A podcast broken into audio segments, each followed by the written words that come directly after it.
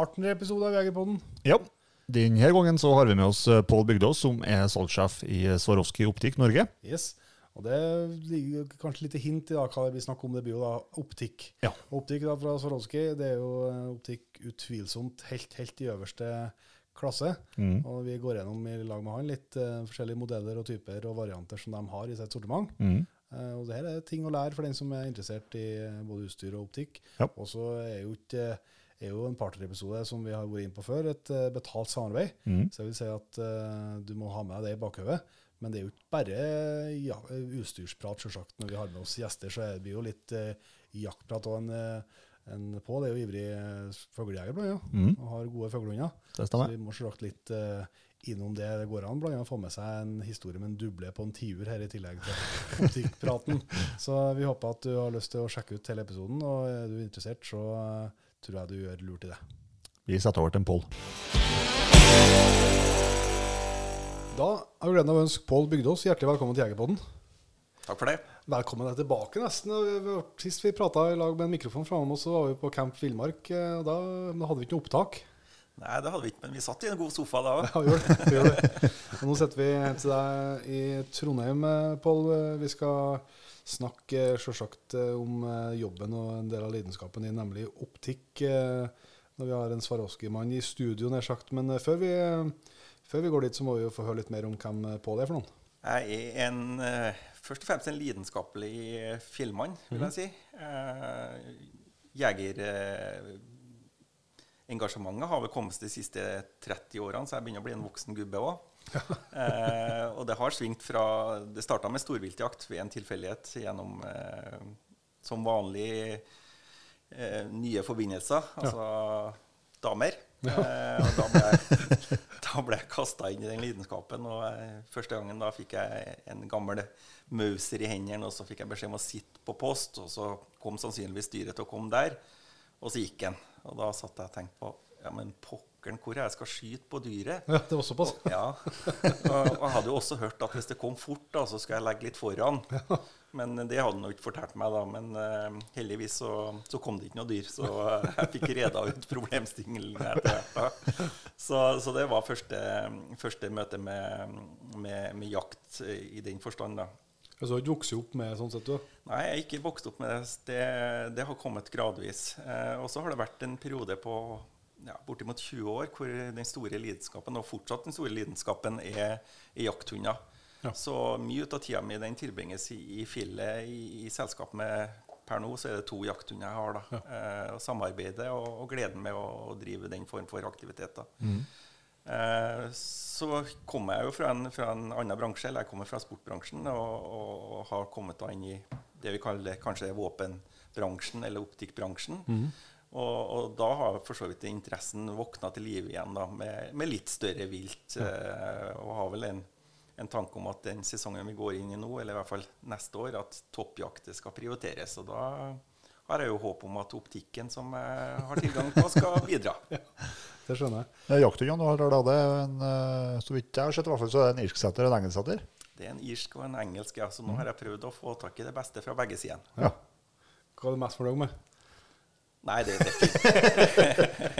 Det er som å banne i kirka, da. Men eh, den eh, brunosten han er definitivt Men det er jo også den voksne hunden, da. Ja, ja, ja. Eh, Den engelsetteren er jo en, en yngre kar som fortsatt har eh, mye arbeid for seg. Men jeg tror ikke jeg skal tillegge det hunden. Det er nok eieren som har missa litt grann på, på flere områder med han der enn der. Men det skal bli. Ja. Men jeg kan ikke la en mulighet til å løfte fram mer ish at den går fram. vet du. Nei, Nei, det er helt bare langt mellom dem. Ja, det, Det ligger jo også mitt hjerte ganske nært i Ja, ja. irsken. Det gjør det, altså. det er bra, det. Nå snakker vi om noe annet enn irsksetter, ja. Ja, hva, Hvilket våpen har du? Nei, jeg, jeg har en, en Tikka, en litt eldre modell, som jeg har eh, fått bygd om. eh, og som så langt eh, har gjort nytten. Ja. Og så er det vel alltid sånn at eh, det fins en del andre ting ute i både verden og i bransjen vår som, som frister. Ja. Og, så jeg ser vel ikke bort fra at eh, etter hvert så, så blir det både flere våpen enn det jeg har, og, og andre typer også. Men det er på eh, med hagl, da. Nei, Per nå så er det både en, en Browning og en, og en Beretta som jeg, som jeg bruker. Mm. det er jo noen våpen som begynner å bli noen år gamle, men eh, jeg bruker å si det at det er vel for så vidt ikke våpenet som, som skiller mellom fiasko og, og suksess. Det er vel rett og slett antall timer på, på skytebanen. Det frister altså skyld, bare. Ja, ja, jeg har vel noen ganger brukt det, men eh, jeg ser vel det at eh, jo mer du er på skytebanen, jo større sjanse er det for at det blir en suksesshistorie. Eh, hva gjorde at du syntes at å flytte eh, til Swarovski var en bra idé? Jeg hadde jo i utgangspunktet kanskje ikke den fullstendige oversikten. altså som Jeg sier, jeg drev på med, med, med storviltjakt tidligere, og jeg visste jo at merker som Size, Swarovski var liksom det, det som, som, som, var på mange måter det ypperste innenfor uh, denne verden. Mm. Uh, så det var på mange måter litt, litt, litt, tilfeldig at jeg fikk muligheten i Swarovski. Men, men vurderinga etterkant var jo det at det er alltid hyggelig å jobbe med en merkevare som har en posisjon, som har en filosofi som stemmer overens med det du gjerne tidligere har arbeida med og ønsker å, å, å, jobbe med. Ja. Og det går jo stort sett på eh, kvalitet, merkevaren sin posisjon. Det begynner å bli ganske sterkt også det at, eh, at, at en merkevare også har en, en, et miljøperspektiv. Mm. Altså eh, bærekraft og sånne ting. Det begynner å bli ting som flere og flere eh, legger vekt på. Mm. Og også jeg sier jo det at eh, vi må jo gjøre noe eh, en eller annen gangen for å stoppe litt den utviklinga som, som, vi kanskje spesielt har sett i sommer, med høye temperaturer, masse nedbør og sånne ting. Det, det skjer noe ute i verden da. Mm. da Swarovski du, du, du, har ikke jobba der i så mange år, da, så jeg skjønner at du har ikke vært med helt siden starten. For det er jo et, det er jo et selskap med lange tradisjoner. Det er et eh, familiedrevet selskap som i utgangspunktet starta med krystaller og, og stjernekikkerter. Ja. Eh, eh, og etter hvert, da, i 1949, etablerte da den optiske delen ut av, ut av det her firmaet der. Ja. Eh, familiedrevet, som jeg sa, og har etter hvert utvikla en, en, distribusjon som er i nærmere 100 land. Aha. All produksjon foregår i Østerrike. Det er ingen eh, produksjon overhodet i andre verdensdeler. Og det er totalt ca. 1000 ansatte i firmaet, hvorav 850 da er produksjonsansatte, mer eller mindre, i en liten landsby som heter Absam i Østerrike. Ja. Det var liksom fascinerende, vi snakka om litt på forhånd her. Det var Den landsbyen er liksom mer eller mindre bygd rundt den fabrikken? Ja, den, det er helt fascinerende. For det, den er byen altså Fabrikken er for så vidt bygd i byen. Så, ja. så det, rekkefølgen er jo litt vesentlig her. Men, ja, ja. men, men uh, selskapet har nok en, en, en, filosofi om at dette skal være uh, en bedrift hvor de ansatte uh, blir værende. Og i fabrikkområdet så er det en barnehage. Det er en skolefunksjon som utvikler da, ingeniører til produksjon til slutt. Sånn at vi, vi hørte jo sist gangen vi var nede der, at da var den første barnehageansatte, altså den ungen som starta i barnehagen, han var blitt utdanna ferdig ingeniør og jobba på, eh, på fabrikken da, så, som en fullt utlært eh, ansatt. Ja. Og så har du da også 850 ansatte. Det vil jo si at det er Uh, det, det, det, er ikke så veldig mye maskinelt. Det er forholdsvis det er håndverk de holder på med. Ja, og det er jo det som imponerer for en som, som for så vidt eh, må jeg innrømme var ny i bransjen, og se mm. hvordan det her foregikk. For jeg, jeg innbilte meg jo uh, at det her, var maskinelt. og sånn som jeg ser i dag i produksjon, det er jo en del hemmeligheter inni det her som til og med vi selgerne ikke får ta del i. Ja. Men jeg ser jo at det involverer jo et utall av, eh, av personer i hele prosessen, mm. Hvorav håndarbeid, håndverk, er en stor ut av det. De, de sitter periodevis og sliper eh, linsen som, som, da monteres inn i kikkerten. Mm. Så, så, så det, det, er høyteknologi, og det gjenspeiler til en viss grad også merkevaren, prissettinga på et sånt produkt. At mm. det her er tanken at det skal være kvalitet fra A til Å, og at det skal være et produkt som, som, som varer. Mm. Kult. Nei, det, vi må kanskje litt inn på noen produkter. Det er jo, det er jo lange produktlinjer og mye forskjellig, så hva, så sikkert vi rekker innom alt. Da, men vi må jo kanskje innom noe, både litt nyheter og høydepunkter. Et produkt som eh, jeg vet eh, mange er nysgjerrig på, og som eh, er fascinerende, det er jo den her eh, som heter Swarovski DS.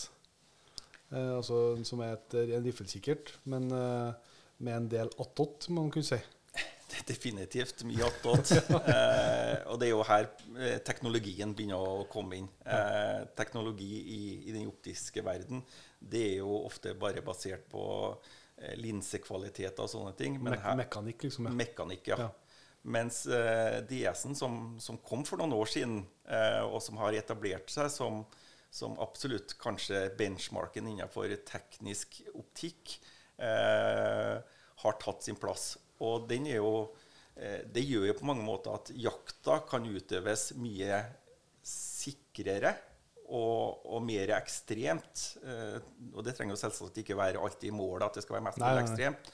Men der du før tidligere kunne driste deg til opp til 100 meter var forsvarlig skuddhold, så har teknologien her gjort at du, du forsvarlig kan skyte på 300 og 350 meter. Mm. Og Bakgrunnen for det her er jo det at det, det her er det ligger det teknologi inne som, som kalkulerer hele skuddet. Den tar utgangspunkt i utgangshastighet på, på, på, kula. Du legger inn vindavdrift. Eh, det har en, en eh, målesensor, som måler avstand i en ekstrem nøyaktighet. Og alle de komponentene eller informasjonen her da, sammenfatter det til at det forteller deg hvor mye skal du ballistisk eh, gjøre en forandring. Og det uttrykkes med et trådkors. Så der du har et, eh, det vanlige standard trådkorset, mm. så vil det da vises et nytt trådkors som sier at løft opp til dette. Og du Hold midt i og trekk av. Ja. Og hvis du da gjør alt eh, annet riktig, så skal jo dette her i prinsippet da være bullseye. Ja. For, da, for, da, for da, går, da, går, du opp på, på objektet eller målet da går du opp. med, med trådkorset. Trykker på en knapp på kikkerten, ja. og så dukker det opp en, eh, en Eller omvendt rekkefølge. Du måler først avstanden. Ja. Så får du beskjed om at det er på 200 meter. Samtidig så kommer det opp et nytt trådkors som du får legge. Ja. Og da, som sagt, eh, da har det hensyntatt alle ballistiske data. Kule, eh, vind, temperatur, og temperatur vinkel. vinkel mm. Altså alle elementene som skal til for å gjøre et, eh, et forsvarlig og, og, godt skudd. Mm. Så vil det selvsagt være noen, noen momenter inni her som, som noe eksa, om jeg kan si det sånn. Altså vindavdrift, f.eks. Én ting er at du, du, har lagt inn at det er to sekundmeter, men 200 meter, og vi som har drevet på med fuglehunder, som lurer på hva er det idioten gjør nå, opplever jo det at eh, vinden er ikke akkurat den samme der vi står, som, som der hunden eller viltet. Eh, mm. Så, så, det fins en del lekser. Mm. Eh, derfor så sier vi jo det at eh, som alle andre instrument, så, så, er det alltid veldig greit å ha lært seg hvordan de komponentene her fungerer sammen. Mm. Men uh, den her har vært på markedet, markedet en par år, som du sa. For at uh, den som er nå, den, den heter for generasjon 2. Mm. Hva, hva, er forskjellene? blitt, forskjellene? blitt litt mer kompakt. Ja. Eh, den er nok mer nøyaktig enn det som har, har vært tidligere. så det er vel kanskje de hovedforskjellene på den. Men det kommer i 5 til 25, er det sånn? 5 til 25 ja. kun det. Mm. det som, men det er klart det er jo en kikkert som er er tenkt at det skal være litt avstand, så du trenger ikke, trenger ikke mål, du trenger ikke å skru ned på én. Nei, absolutt ikke. Og det er klart at det her er jo ikke et drivjaktsikte eh, på noen måte. Eh, det, er jo, det, er jo, et mer alternativ til andre typer jakt, hvor kanskje avstand mm. eh, er, er, et vesentlig moment, eh, tenker jeg i hvert fall sånn praktisk. da. Ja. Eh, du har jo i prinsippet en avstandsmåling og en, og en, en mulighet til å måle opp til ca. 1100 meter med denne her. Men da begynner jo også kulebane og sånt å påvirke ganske kraftig. Anslagsenergi som man også måler denne her. Mm. Eh, så, så, det er flere elementer som gjør at eh, den maksgrensen den er vel ikke den som vi normalt eh, nei, nei. driver og søker etter. Nei, nei også, så vil jeg tro at eh, sånn, både for dere som, som eier produktet og er produktutvikler, men også for forhandlerne, butikkene og ikke minst brukerne, så er det jo et produkt som også stiller kanskje litt større krav da, enn hva man er vant til på et konvensjonelt uh, riflekikkert, der man kanskje er mer kjent med, med komponentene. Du må jo sette deg litt mer inn i både hvordan du bruker den, og, og, du må jo, skal du ha full effekt av et sånt et eller et vanlig ballistisk for den gjelder, så, så bør du jo ha en kronograf og sjekke hastigheten på den kula i ditt våpen. Ikke når vi stoler 100% på den som står på pakken. Nei, og Det er jo kanskje det viktigste problemstillinga som vi møter. At ja. vi, vi, får tilbakemeldinger, dog ikke så ofte, men at det stemmer ikke overens. Eh, Måltakinga mi stemmer ikke overens med, med der jeg treffer. Og, og, det vi ser ofte som, som er, er feilen, da, det er at de har tatt utgangspunkt i de ballistiske data på pakken. Og den viser seg jo at den stemmer jo ikke eh, på de forskjellige våpen. Det er jo ikke den utgangshastigheten som, som kikkertsiktet her kalkulerer ut fra. Så det å måle, med, måle de dataene der og få lagt inn dem korrekt, det er helt avgjørende for å få det perfekte resultatet. Ingen tvil om det. Nei. Altså, så vil du få bedre effekt med, med et kaliber som er godt egnet til, til å strekke holdene. Kont- Absolutt. Kontra, kontra en type Men, men samtidig, det, det, det var det jeg sa, at du har jo også en informasjonsfaktor her som sier hva er anslagsenergien Ja. på det gitte målet.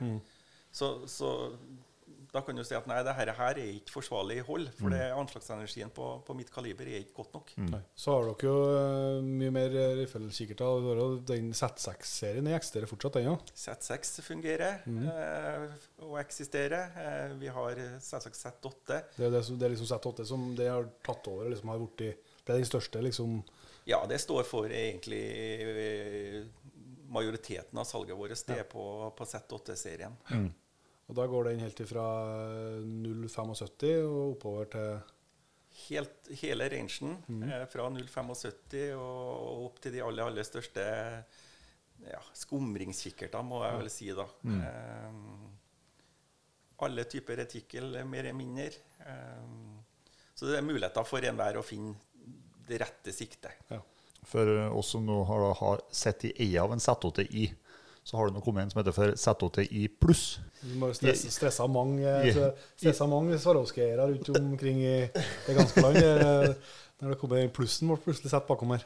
Ja, det, det, er vel, det er vel sånn at eh, i det øyeblikket det, det kommer en ny modell, så, så tror vi på mange måter forventer at det er en revolusjon. Og det er ikke noe tvil om at den Z8 pluss er en videreføring av, av det gode fra, fra Z8.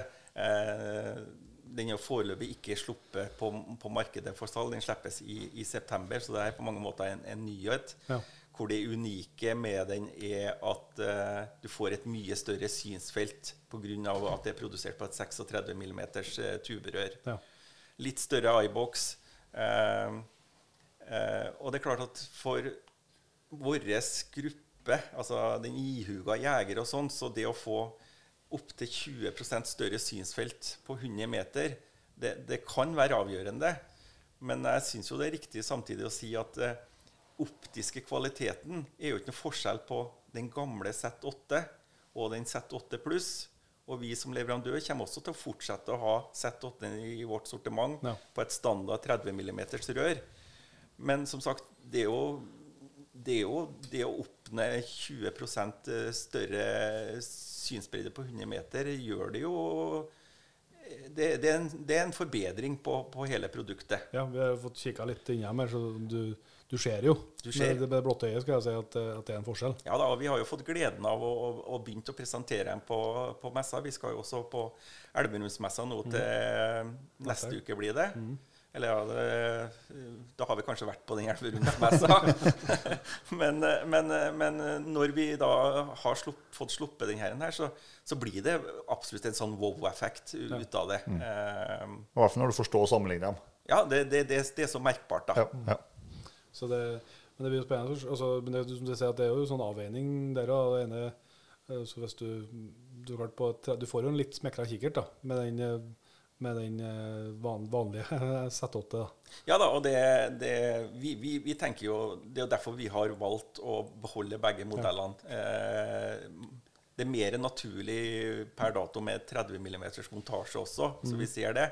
Men så tenker jeg at eh, den som skal en gang eventuelt investere i en ny Swarovski Z8, vil naturlig havne på plussmodellen. For prismessig så gjør det ingen stor forskjell. Det, det, er, en, det er en investering uansett. Da. ja, ja. Klart det. La merke til nå på, på det nye at det, på de Satans logger nå at det er en ny eh, hva skal kalle det, en liten spekk på, på, på den zoomjusteringa. Ja, Den, det- den, altså at du forhøyer bjøllen.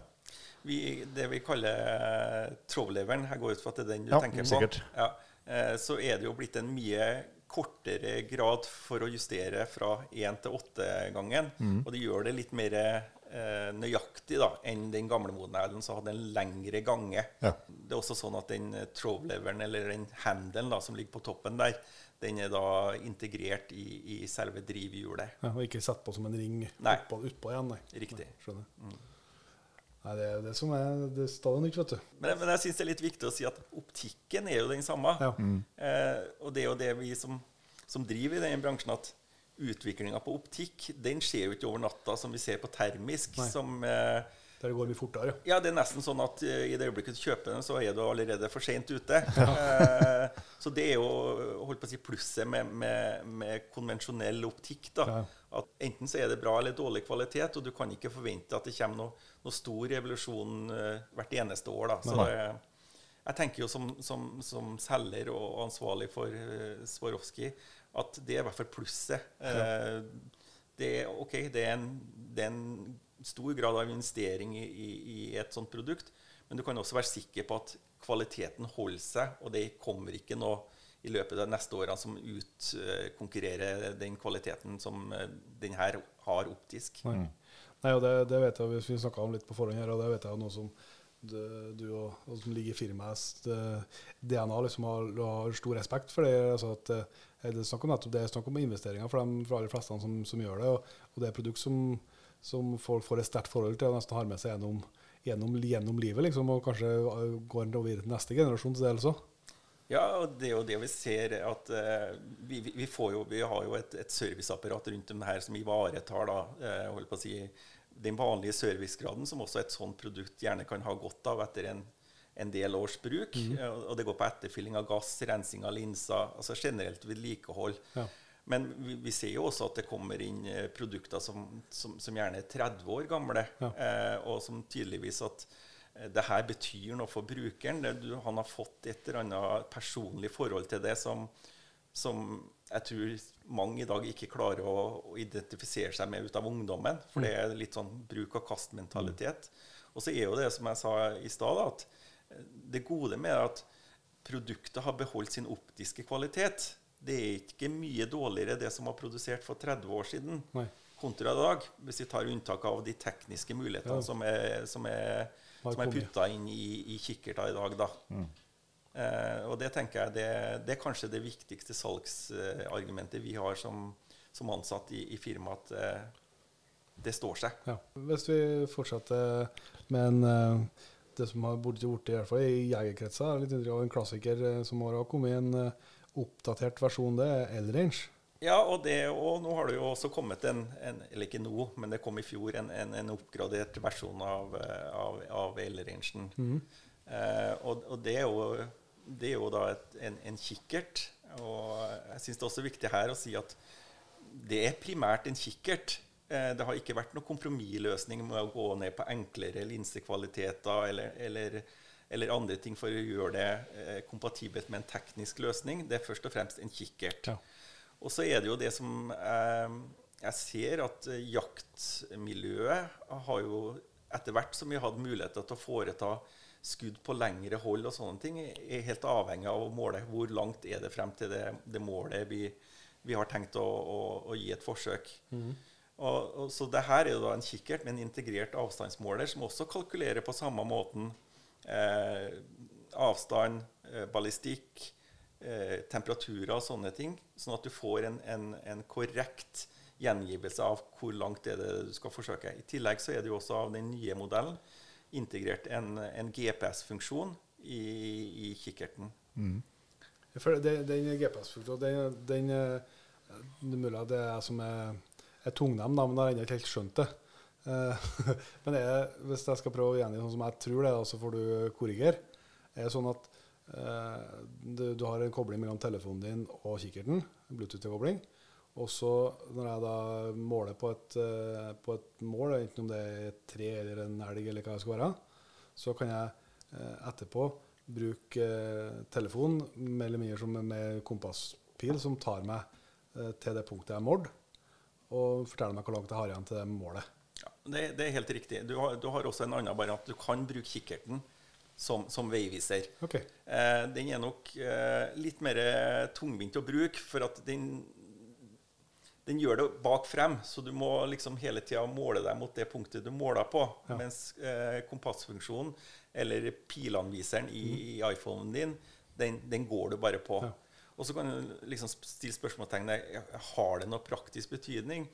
Men det, det vil jeg jo absolutt si at eh, under gitte forhold så er det alltid vanskelig i etterkant å avgjøre hvor var det dyret var påskutt. Det er kjempe, til dels kjempevanskelig. Og ikke minst snakke om toppjakt. Du nevnte det som et stikkord der. Ja, det er klart altså, sant? Du er på toppjakt. Du treffer tiuren, og han går rett i snø, men legger ikke igjen noe, noe, noe spor. Altså, det bare Snøen bare, bare dekker over. Eh, så, så er det klart at det her også er et eh, supert hjelpemiddel, selv om jeg tror at de fleste jegerne primært bruker det som en avstandsmåler, Ja. og for, på den måten da kunne vurdere skal jeg skru på mitt ballistiske tårn, ja, eller hva, hva skal jeg gjøre, da. Ja, men et annet sånn, men nå vet ikke jeg hvordan avstander her er testa på og funker på. Men, men annet, men et annet sånn bruksområde som jeg så for meg, det er jo typisk at du sitter i, i fjellet og speider etter elg. da. Og så ser du en elg eh, oppi lia en plass, på, eller på motsatt side av dalen f.eks. Og så har du den, kan du da, får du da til å bruke denne pila liksom, hvis det er en kilometer dit. Kan du bruke denne pila og så gå deg innpå? Mm. Ja da? for den, den, den, den, eh, eh, lagrer de tre siste målingene dine. Ja. Så, så den siste vil jo være den naturlige. Så du, du, du kan bruke den som en, eh, som en Men jeg tror det er viktig også å si at den GPX-funksjonen, den, den, eh, den erstatter ikke en Garmin. Nei, det skjønner jeg. det skjønner jeg. Ja, ja. Nei, altså, Ikke for at du skal bruke det for navigasjon, sånn sett, men, men jeg tenkte liksom sånn ja, For det, det er jo et vanlig, vanlig jaktform skal jeg si, i i, i fjellet, på om det er elg eller hjort eller rein, for den gjelder altså at du, du ser dem på en plass, og så setter bein setter dem med radio og, Ja. og følger med. og Det kan jo at den har behov for, den kan jo flytte seg på den tida, men at du i hvert fall har enda et eh, en, For det er jo, eh, når du har prøvd det noen ganger, så er det ikke noe så forbaska enkelt å kjenne igjen den bjørka du så det elgen lå oppe når du skal begynne å gått i 20 minutter, og så skal du finne igjen det. Nei, ja, det er sikkert masse områder som er likes, men den som har vært f.eks. på Dovre, oppe i Ja, Erkin eh, det er ganske, Om du ikke går deg bort, så lurer du faktisk på Eller gjentatte topper og daler og gjentatte topper. Til slutt så lurer du på hvor var det jeg så det hen. Ja.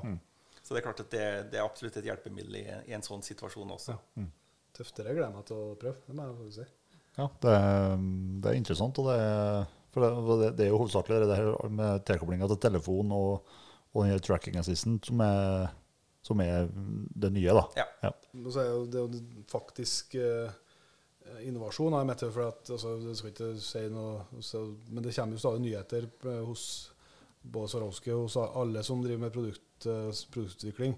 Og så er jo mange av dem er jo, liksom, jo forbedringer eller, eller nyheten, kall det i beste fall eh, marginal. da. Altså Det jo, kan være kult å ha, men det, det er bestandig ikke brukt det. Men det er en sånn funksjon som er her, det, det hører en jo kjenner jo med en gang at og du en tenker tilbake i, i eh, jaktkatalogen sin, så ser du at det har kunnet fått bruk for ganske mange ganger. da. Ja da, og det, det er jo det som er det fine, at eh, teknologi det, det, det både forbedrer opplevelsen og, og holdt på å si, evnene som, som vi har som mennesker. Eh, og så tenker jeg også litt sånn at samtidig er det fra vårt eh, selskapsståsted eh, så, så har vi ikke noe, noe ønske om å lage et produkt bare for å lage det. Det må være en forbedring på produktet. Ja. Og det kan jo være flere, flere momenter som en ønsker skal forbedres. Det kan være størrelse, som Ja. for mange jegere kanskje er det aller viktigste. Eh, og hvis ikke vi klarer å lage en mindre enhet av de samme egenskapene, så, så gjør vi ikke det. Nei. Og Derfor så er det også i Swarovski-historien så det er, det er år mellom det kommer nyvinninger, og det er ikke sånn at hvert år så kommer det ti nye nyvinninger. Altså, sånn som for dette året her, så har vi vel vi strengt tatt egentlig tre, tre nyheter, av hvorav den Z pluss som vi snakka om først, eh, har, har fått plass. plass. Men eh, det var også et dilemma at Z8, som er et, et supersikte, eh, er forskjellen på den nye Z-plussen stor nok? Og det falt vi på, og vi mener det kanskje enda sterkere at jeg får lov til å, å vise det til forbrukeren, at det der field of view, som vi kaller eller altså synsfeltet. synsfeltet, det utgjør en forskjell, sånn at det var verdt å lansere også den i tillegg til det vi hadde. Ja. Eh, Du nevnte jo eh, et eh, produktsegment der utviklinga går enda langt fortere enn på det optiske. og Det er jo termisk. og Dere har jo kasta dere ut i termisk verden, dere? Ja da. Vi, vi har vel på mange måter måttet, måttet være med på, på, på det, det, kjøret der. For det er klart at spesielt kanskje i, i det norske og svenske markedet så har det jo vært en, en jeg vet ikke om jeg skal bruke ordet revolusjon, men det har jo eksplodert. Og det virker jo som at alle jegere egentlig tenker at jeg er nødt til å ha en termisk for å, for å kalle meg jeger. så, så, så, der har vi kommet. Men vi har nok med vårt produkt, da, som heter TM35, som er en clip-on-variant, tenkt litt annerledes enn en del andre. Eh, hovedtanken har vært at dette skal være veldig veldig enkelt. Det skal være minimalt med, med menystyringer. Eh, autofokus. Og det ikke minst så skal det være 100% sikkert så langt det går an å, å være, at når den klipp-on-enheten har vært brukt som håndholdt, som også denne kan brukes på, mm. i det øyeblikket du finner ut at nå skal, jeg, nå skal jeg avfyre skudd, og du setter den på, på tuben på kikkerten din, så skal du være sikker på at det ikke har blitt noen forandringer. Ja. Og Det skal ikke være masse fomling med, med, med knapper i nattemørket. for det her ja. Jeg har tenkt selvsagt eh, skumring og, og mm. nattemørke. Det skal være veldig enkelt og intuitivt. Så vi, tilbakemeldingene vi har fått for forbrukeren, har jo vært eh, superbra. Og så er det jo selvsagt noen forbrukere som ønsker å ha videofunksjon, fotofunksjon og sånne ting. Men det som sagt, det har vi valgt å, å, å se bort fra, i hvert fall i denne omgang, og, og, tenkt at det skal være et praktisk hjelpemiddel for en forsvarlig jaktutøvelse. Så du, du, trenger ikke å, du trenger ikke å skyte inn på nytt eh, når du, har sett når du setter på den her? Nei, det er, det er enkel klave som du bare klemmer på. og og vi garanterer, hvis alt hadde vært gjort 100% identisk med og uten, mm -hmm. så garanterer vi maks 4 cm opp og ned på 100 meter. Ja. Og det gjør jo det at det har jo ingen stor praktisk eh, forskjell i en, i en jaktutøvelse. Nei. Eh, kan den, hvordan kikkerter kan den, kan den brukes på? Her leveres det forskjellige adaptere i forhold til dimensjonen på, på tuben. Mm. Så det, det, tilpasses. Og så har vi sagt at i utgangspunktet så er det laga for Swarovski kikkerter. Mm. Eh, men nøyaktigheten som er gjort i arbeidet her, tilsier jo at det ved kontroll bør passe på flere merker. da. Ja. Men i utgangspunktet så det, finnes det Den garantien du snakka om, liksom, den går mot et Swarovski-sikte? Ja, det er vel litt bedre føre-var-prinsippet som, ja. som trer inn. For det kan være noen millimeters forskjeller på gods og sånne ting. Mm. da. Men det er også en viss fleksibilitet i, i klavejusteringa her. da. Mm. Men, uh, Men det, det, vil si at det finnes klaver som, så, så, du får den til å passe til alle, alle modellene? Alle modellene. Mm. mm. Jeg ser at det er jo bare, det er bare, det er bare tre knapper oppå, så det er ikke noe mye Nei, altså du har, eh, du har kun funksjonen som skifter fra, fra håndholdtenheten, som, eh, som har eh, en, en fire ganger zoom-funksjon. Så har du to muligheter for uh, lusjustering. Og så ja. kan du skifte mellom tre forskjellige fargegjenviser. Rødt og hvitt og, ja. og svart-hvitt. Mm. Mm. Men du sa at du kunne bruke den som, som spotter òg? Ja. Men det må, er det noe sånn, Prøvde du å sette på noe del for, på, mot øyet? da, Nei. Si, Nei. For det første så, så, går det utmerket godt an å bruke med adapteren på.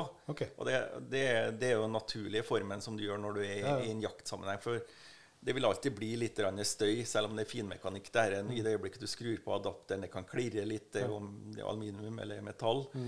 Eh, så, så, så, når jeg bruker den, så bruker jeg den eh, med, med adaptere på. Som spotter. Som spotter.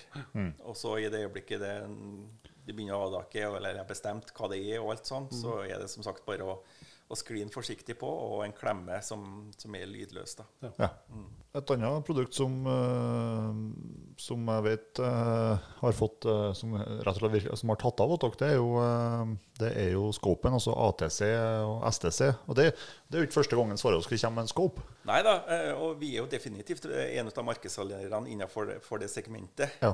Og så tenker jeg sånn, historisk sett så har vel scope vært et produkt som folk forbinder med noe som står på hytta. Mm. Eller i, i, målgruppen vår eh, eh, fugletittere. Ja. Mm. Eh, og så ser jeg det at jaktformen for oss jegere har forandra seg litt. I hvert fall fra når jeg begynte. Da var det utelukkende drivjakt. Eller så satt vi i mørket på, på åkeren. Mm. Mens i dag så ser jeg at det blir mer og mer vanlig at én driver og spotter.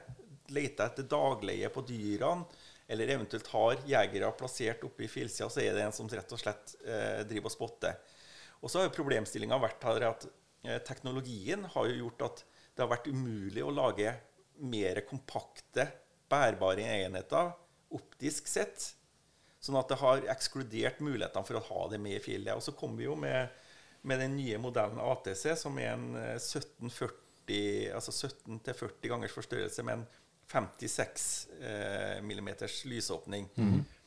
Det, det blir jo ikke det, det største i forhold til skumring og, og lysverdier og sånt. Nei. Men for en dagsjakt så er jo det her i mitt hode, og responsen fra kundene har jo vært så langt eh, formidabel. For det gjør at plutselig så kan du Dere som driver eh, elgjakt oppå fjellet og sånne ting, eh, vil jeg tro vil ha fantastisk nytte av det her, hvor dere kan sitte og se og spane etter hvor er det dyret for så og, og bevege seg i den retningen. og og Det er nok en, på mange måter en liten revolusjon, det som en har oppnådd her, da, hvor en har fått et, eh, et skop som ikke er mer enn 25 cm langt, og veier i underkant av et kilo.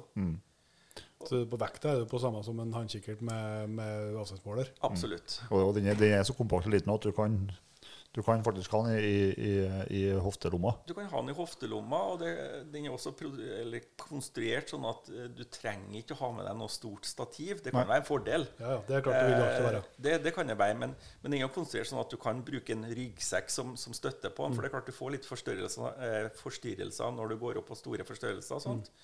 Og så vet ikke jeg men om dere har kjennskap til det, men det finnes jo adaptere her, sånn at du kan ta bilder gjennom skopet, Ja. og på den måten eh, aldersbestemme, Ja. artsbestemme og alt sånne ting, som, som igjen gjør oddsene for oss jegere litt bedre eh, enn det var tidligere. Ja. Eller bare for Hvis du ikke har den storoksen på kvota, som jeg i hvert fall tatt bilde av. Ja, sant? Det er jo litt artig, da. Og nesten. Men, eh, men ATC det er, jo, det er jo den modellen som har vinkel på seg. Mm. Og så er STC som er Uh, helt som en, uh, som en tube. Ja. Og da, da kommer det engelske språket inn her, da. Ja. S for straight. Ja. Ja. Og C for curved. Nei, A for angled. ja, det. Ja, må, må ikke bli engelsk, men, Ja, men, men, hva, eh, hva, hva, er, eh, hva, hva er, vil forskjellene være på dem? Min personlige mening er jo at en, en vinkla en er det mest praktiske. Og det har noe med hodeplassering og sånne ting. Og jeg syns definitivt det er enklere å se litt ned enn at jeg må løfte skåpet opp. da. Ja. Eh, markedsmessig så vil jeg tippe det her blir rett litt sånn eh, fingeren i været-opplegg, men jeg tipper at uh, den vinkla varianten står for ca. 80 ut av salget vårt. Ja. Så tror jeg kanskje det europeiske markedet er litt mer vante til, til den rette skopvarianten. da. Ja. Men uh, det blir litt sånn smak og behag-følelse rundt det. Ja. Blir litt mer, så blir jo litt mer avhengig av stativ, tenker jeg, hvis du har den rette. da. Ja, det tenker jeg. Og det, er- igjen, det er litt sånn Hva syns han er praktisk i forhold til å bikke hodet, se ned, eller mm. Jeg syns det er litt, eh, litt enklere med en vinkla en, da. Så det er, litt, det er rett og slett smak, smak og behag. Ja, men altså, de optiske opplevelsene vil være den samme. Helt identiske. Ja. Det gjør ingen forskjell. Nei. Og kommer både i grønn og oransje. Den kommer i grønn og oransje. Og oransje kan jo også være et, eh, et godt alternativ for jegeren. Jeg har i hvert fall vært eh, med på opplevelser hvor jeg rett og slett har leita etter eh, jaktsekken min i flere timer. Og sånn er det vel hvis den er sånn passe vimsa som meg, at hvor la jeg fra meg kikkerten? Eller enda verre at du ikke registrerer at du har lagt den fra deg, så forlater du bare plassen. Så er det vel litt enklere å spotte en oransje. Tilbake igjen. Ja. Det, er- det er oransje eller en sherryhus, og det er òg bestilt en eh, oransje ATC. Så det, Da er vi samme kategori vimsete. Klok av skade, som heter. Ja. Og så, Vi har jo snakka masse Swarovski nå, eh, Pål. Men uh, dere har jo et uh, merke til i deres uh, portefølje som, som lager god optikk, nemlig Kales. Ja da, vi, vi er da eier av, av selskapet Kales. Og og Kales er jo kanskje et eh, historisk sett et enda mer kjent merke enn Swarovski. De begynte jo holdt på å si, på slutten av 1800-tallet med sin optiske produksjon. Og var ekstremt tidlig. De var vel de første som kom med, med et uh, kikkertsikte som hadde justerbar forstørrelse. Ja. Og også et kikkertsikte som, som hadde ballistiske justeringsmuligheter. Eh, også det er et firma som, som produserer i all hovedsak, eh, i hvert fall kikkertsikta som vi prater om nå, så foregår all produksjon i, eh, i Wien. Ja. Og det er tett samarbeid mellom de to selskapene, selv om det samtidig er tette skott. For vi opererer på litt forskjellige arenaer. Eh, litt den introen du sa, at det, eh, det er nok et kvalitetsmerke som vi ønsker å vokse ekstremt mye de neste årene innenfor mellomprissegmentet. Ja. Og Praktisk så skjer det sånn at vi produserer linsene for Kales i Absam, altså i Østerrike. De kommer fra Swarovski. De kommer fra Swarovski og sendes ned da til Wien, og hvordan da monteres på samme settet. Og det betyr jo da i, faktisk at kvaliteten på det optiske er ekstremt høy, selv om prisen tilsier et mellomsegment. Ja. Og så er det noen forskjeller på de to merkene her. at eh, i hvert fall foreløpig nå, så, så, så produseres jo ikke jaktsiktene med mer enn fem gangers forstørrelse. Mens de to modellene som vi har snakka om tidligere, Z6 har en seks gangers forstørrelse. Ja. Og Z8 har en åtte gangers forstørrelse. Og det betyr jo i prinsippet at en Z8 går fra 1 til 8 ganger 24 eh, rørdimensjon, altså et drivjaktsjikte. Så du har litt større spenn på dem. Så er det noen små tekniske løsninger, men fortsatt så representerer Kales vår eh, kvalitetssegment innenfor eh, mellomprissjiktet. Og jeg anbefaler absolutt dem som, som, som vurderer å kjøpe et kvalitetssjikte, men føler at det blir litt for mye i det øverste prissaktet, og vurderer eh, Kale som et superalternativ. Ja. Ja, så finnes det jo en del eh, produkter i, i Kale-sortimentet som du ikke finner hos Swarovski. Både en sånn enkel mono rangefinder, eller avstandsmåler, da, og likeens eh, er det vel også her, De har jo en ren, eh, ren spotter, men jeg har sett. Altså Ja termispotter. Ja, Ja. Vi har et, eh, faktisk fire modeller termiske spottere, håndholdte. Eh, to av de modellene er, er nye av året og har den ypperste spekken som vi i hvert fall klarer å måle mot markedet totalt sett i dag. Ja. Et, et glimrende eh, produkt som en håndholdt spotter. Eh, og har vi også innenfor det segmentet her Vi, vi toucha jo L-rangen Ja. tidligere i samtalen. Og vi har jo samme produktet her, men da med litt enklere funksjoner eh, teknisk sett. Men hvor kvaliteten fortsatt er ekstremt høy. da. Ja. Jeg har jo en sånn eh, Jeg har jo en sånn sjøl, den Helia, Helia RF. Det, det, det. Og fikk den i 30-årsgave. og Nå er jeg nå må bare innrømme at jeg er 34 og er fortsatt uh, veldig fornøyd. Så den har fungert uh, supert som mitt produkt, den. altså.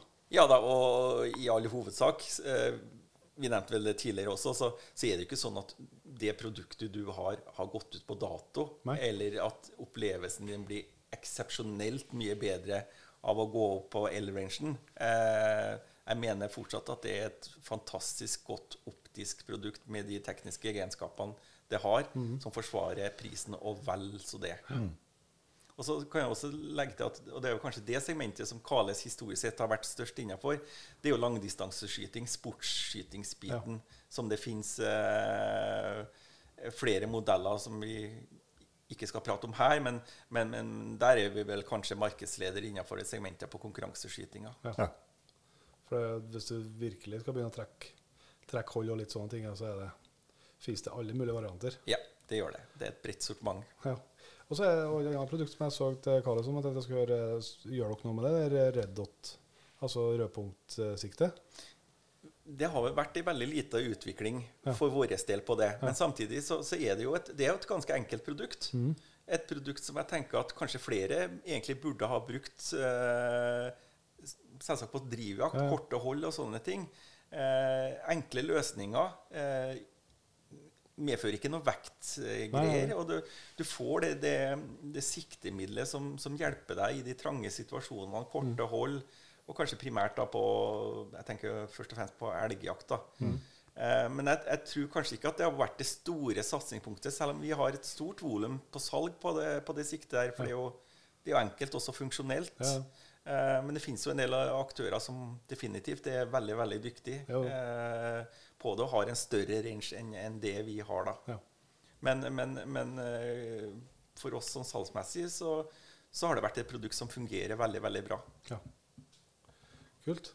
Men da har vi jo fått en eh, bra gjennomgang på eh, både litt forskjellige kikkertsikter og, og håndkikkerter og til og med scope og termisk, så vi kan jo kanskje etter hvert begynne å gå inn for litt landing òg, Pål. Ikke, Du er en travel mann, så vi må ikke holde deg, må holde hele dagen. eh, Men vi kan jo ikke helt eh, slippe deg før vi har eh, tatt deg som alle våre gjester gjennom eh, eh, noen faste spørsmål som vi har på slutten. da.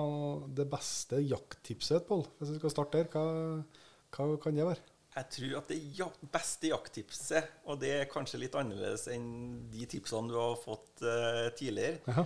Men det er rett og slett å ta en totalvurdering av hva har du i sekken. Ja.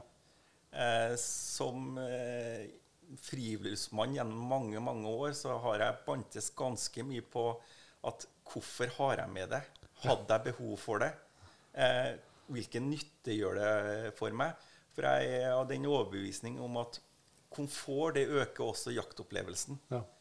Eh, så, så, så det går ikke på, det tek, eh, på produkter nødvendigvis, men, men ta en gjennomgang.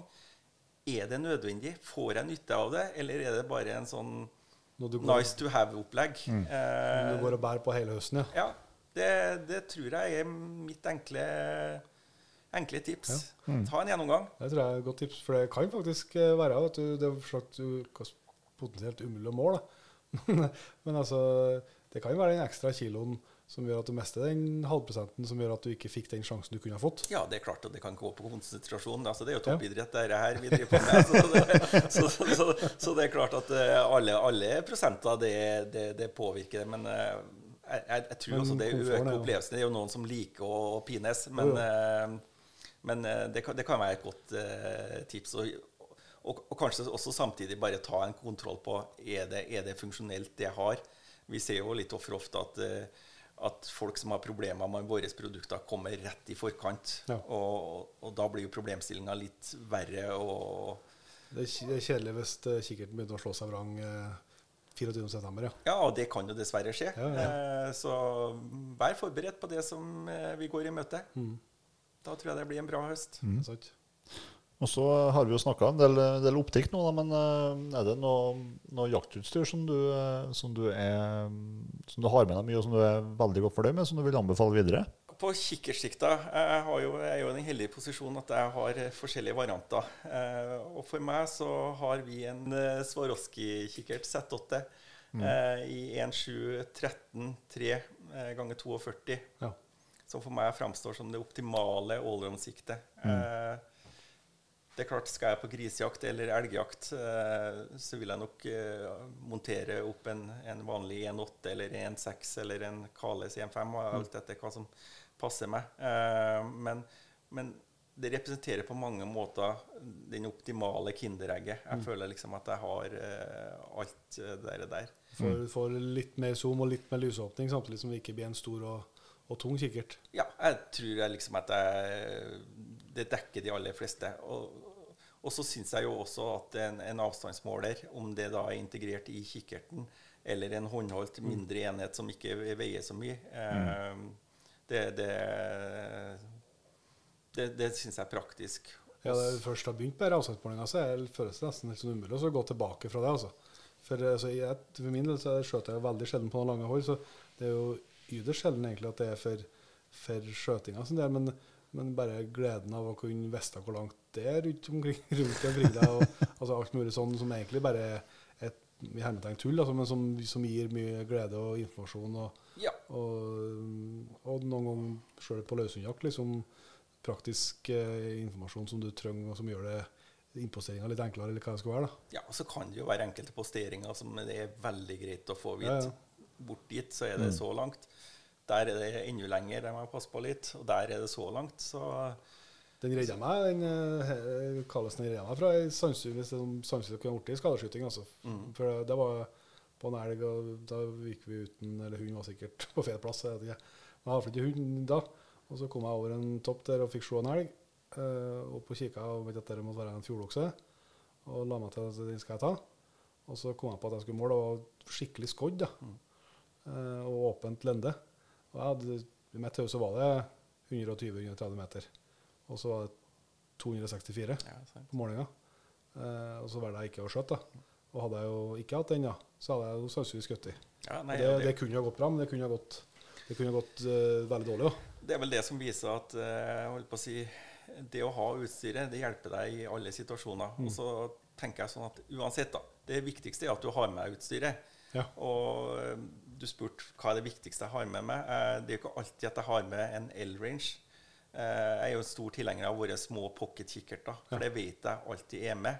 Og det gir meg den informasjonen som, som jeg stort sett trenger i forhold til min nysgjerrighet. Hvordan folk er det som driver og jakter der? Hva var det slags fugl? Altså, det gir meg nødvendig informasjon uten at det medfører at den sekken blir mange kilo ekstra tung. da.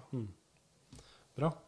Eh, Så jeg tenkte eh, du må gi en eh, pasning når det er sånn partnerepisode. Så For vi snakka om en sak på forhånd her som vi ikke kom på å ta med, men som er et enkelt og, få- og i denne verden og et rimelig tips.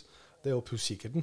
Ja, og det som, som holdt på å si i anførselstegn fagmann på det området her, så, så, så pusser vi jo alt hele tida. Og, det, og det vi ser, det er jo det at et, et kikkertsikte eller en kikkert som har et støpelegg, det kan redusere effekten eller sikten med opptil 10 Ja.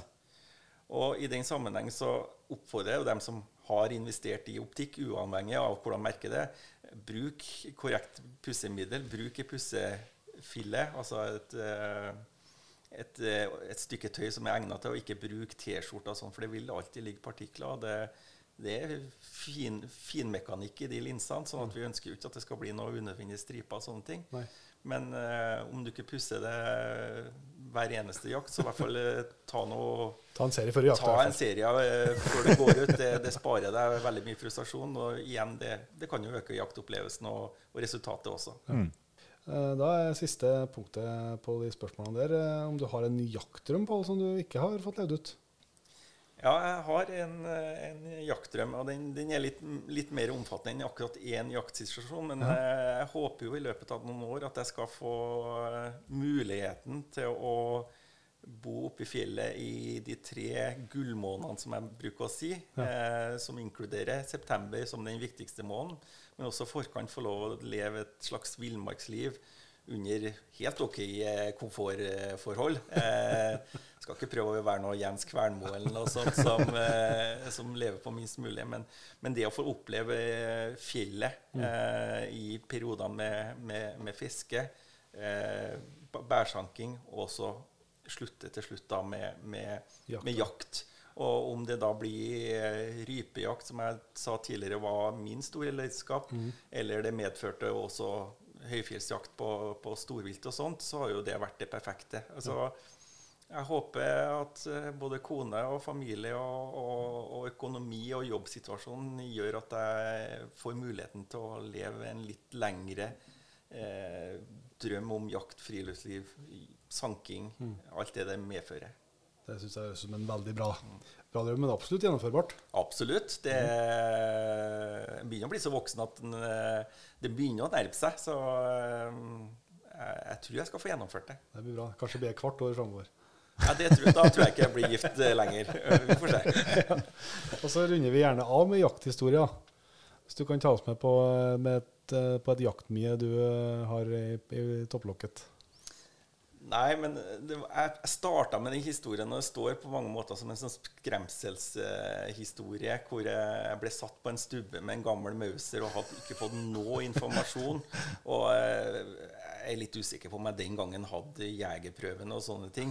Eh, men, men viderefortellinga på den historien, det var at eh, kvelden etter så, så fikk jeg igjen beskjed om at jeg må ta meg ut med den gamle Mauseren. og det var vel en Bushnell i kikkersikte uten at det var noe særlig dårlig. Og jeg fikk eh, ganske fort eh, en, en hjort ned på post som jeg, som jeg skjøt, og han datt rett ned i smellen, så jeg fikk ikke det sjokket om at han sprang 200 meter og ble redd om jeg bomma eller noe Nei, sånt. nei. Og to minutter etterpå så kom det faktisk en til som eh, jeg også fikk gleden av, med samme opplevelsen, at det gikk rett i, i bakken. Ja. Så min inngang til, til jaktlivet det ble veldig sånn trygt og godt. For jeg vet jo i dag at det ikke alltid det går på skinner. Nei, nei. Eh, det at et dyr etter at det er påskutt, kan springe 200 meter, og Ja. det, det, det skjer. Men jeg fikk den tryggheten uten at noen hadde gitt det til meg. Og jeg håper jo at eh, nye jegere får en bedre innføring i jaktlivet enn det som, eh, som jeg fikk. Ja. Men du var heldig likevel. Jeg var heldig. Jeg var sikkert ikke dyktig, men heldig den gangen der. Så håper jeg at det er andre egenskaper som, eh, som er sterkere i dag enn bare flaksen. Da, for det, det kan vi ikke drive på med. Nei, men Det har vært veldig artig, Pål. Vi må si tusen takk for at uh, dere har lage en partnerepisode i lag med oss, og ikke minst for at du åpna både hus og hjem eh, og spanderte både kaffe og kjeks her. Så vi sier tusen takk, vi. Det var veldig trivelig. Takk for praten. Det var altså Pål Bygdås fra Swarovski Norge. Mm. Eh, hvis du er interessert i å vite litt mer om utstyret han eh, har snakka om her, så er det slakt alle muligheter for det. Da finner du det på Swarovski sine hjemmesider. Ja. Og likeens så er det jo, har du de dyktige forhandlere rundt om i hele landet.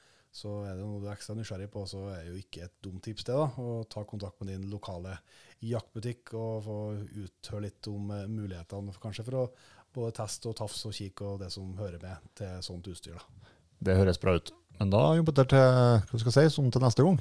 Ja, vi høres da. Mm.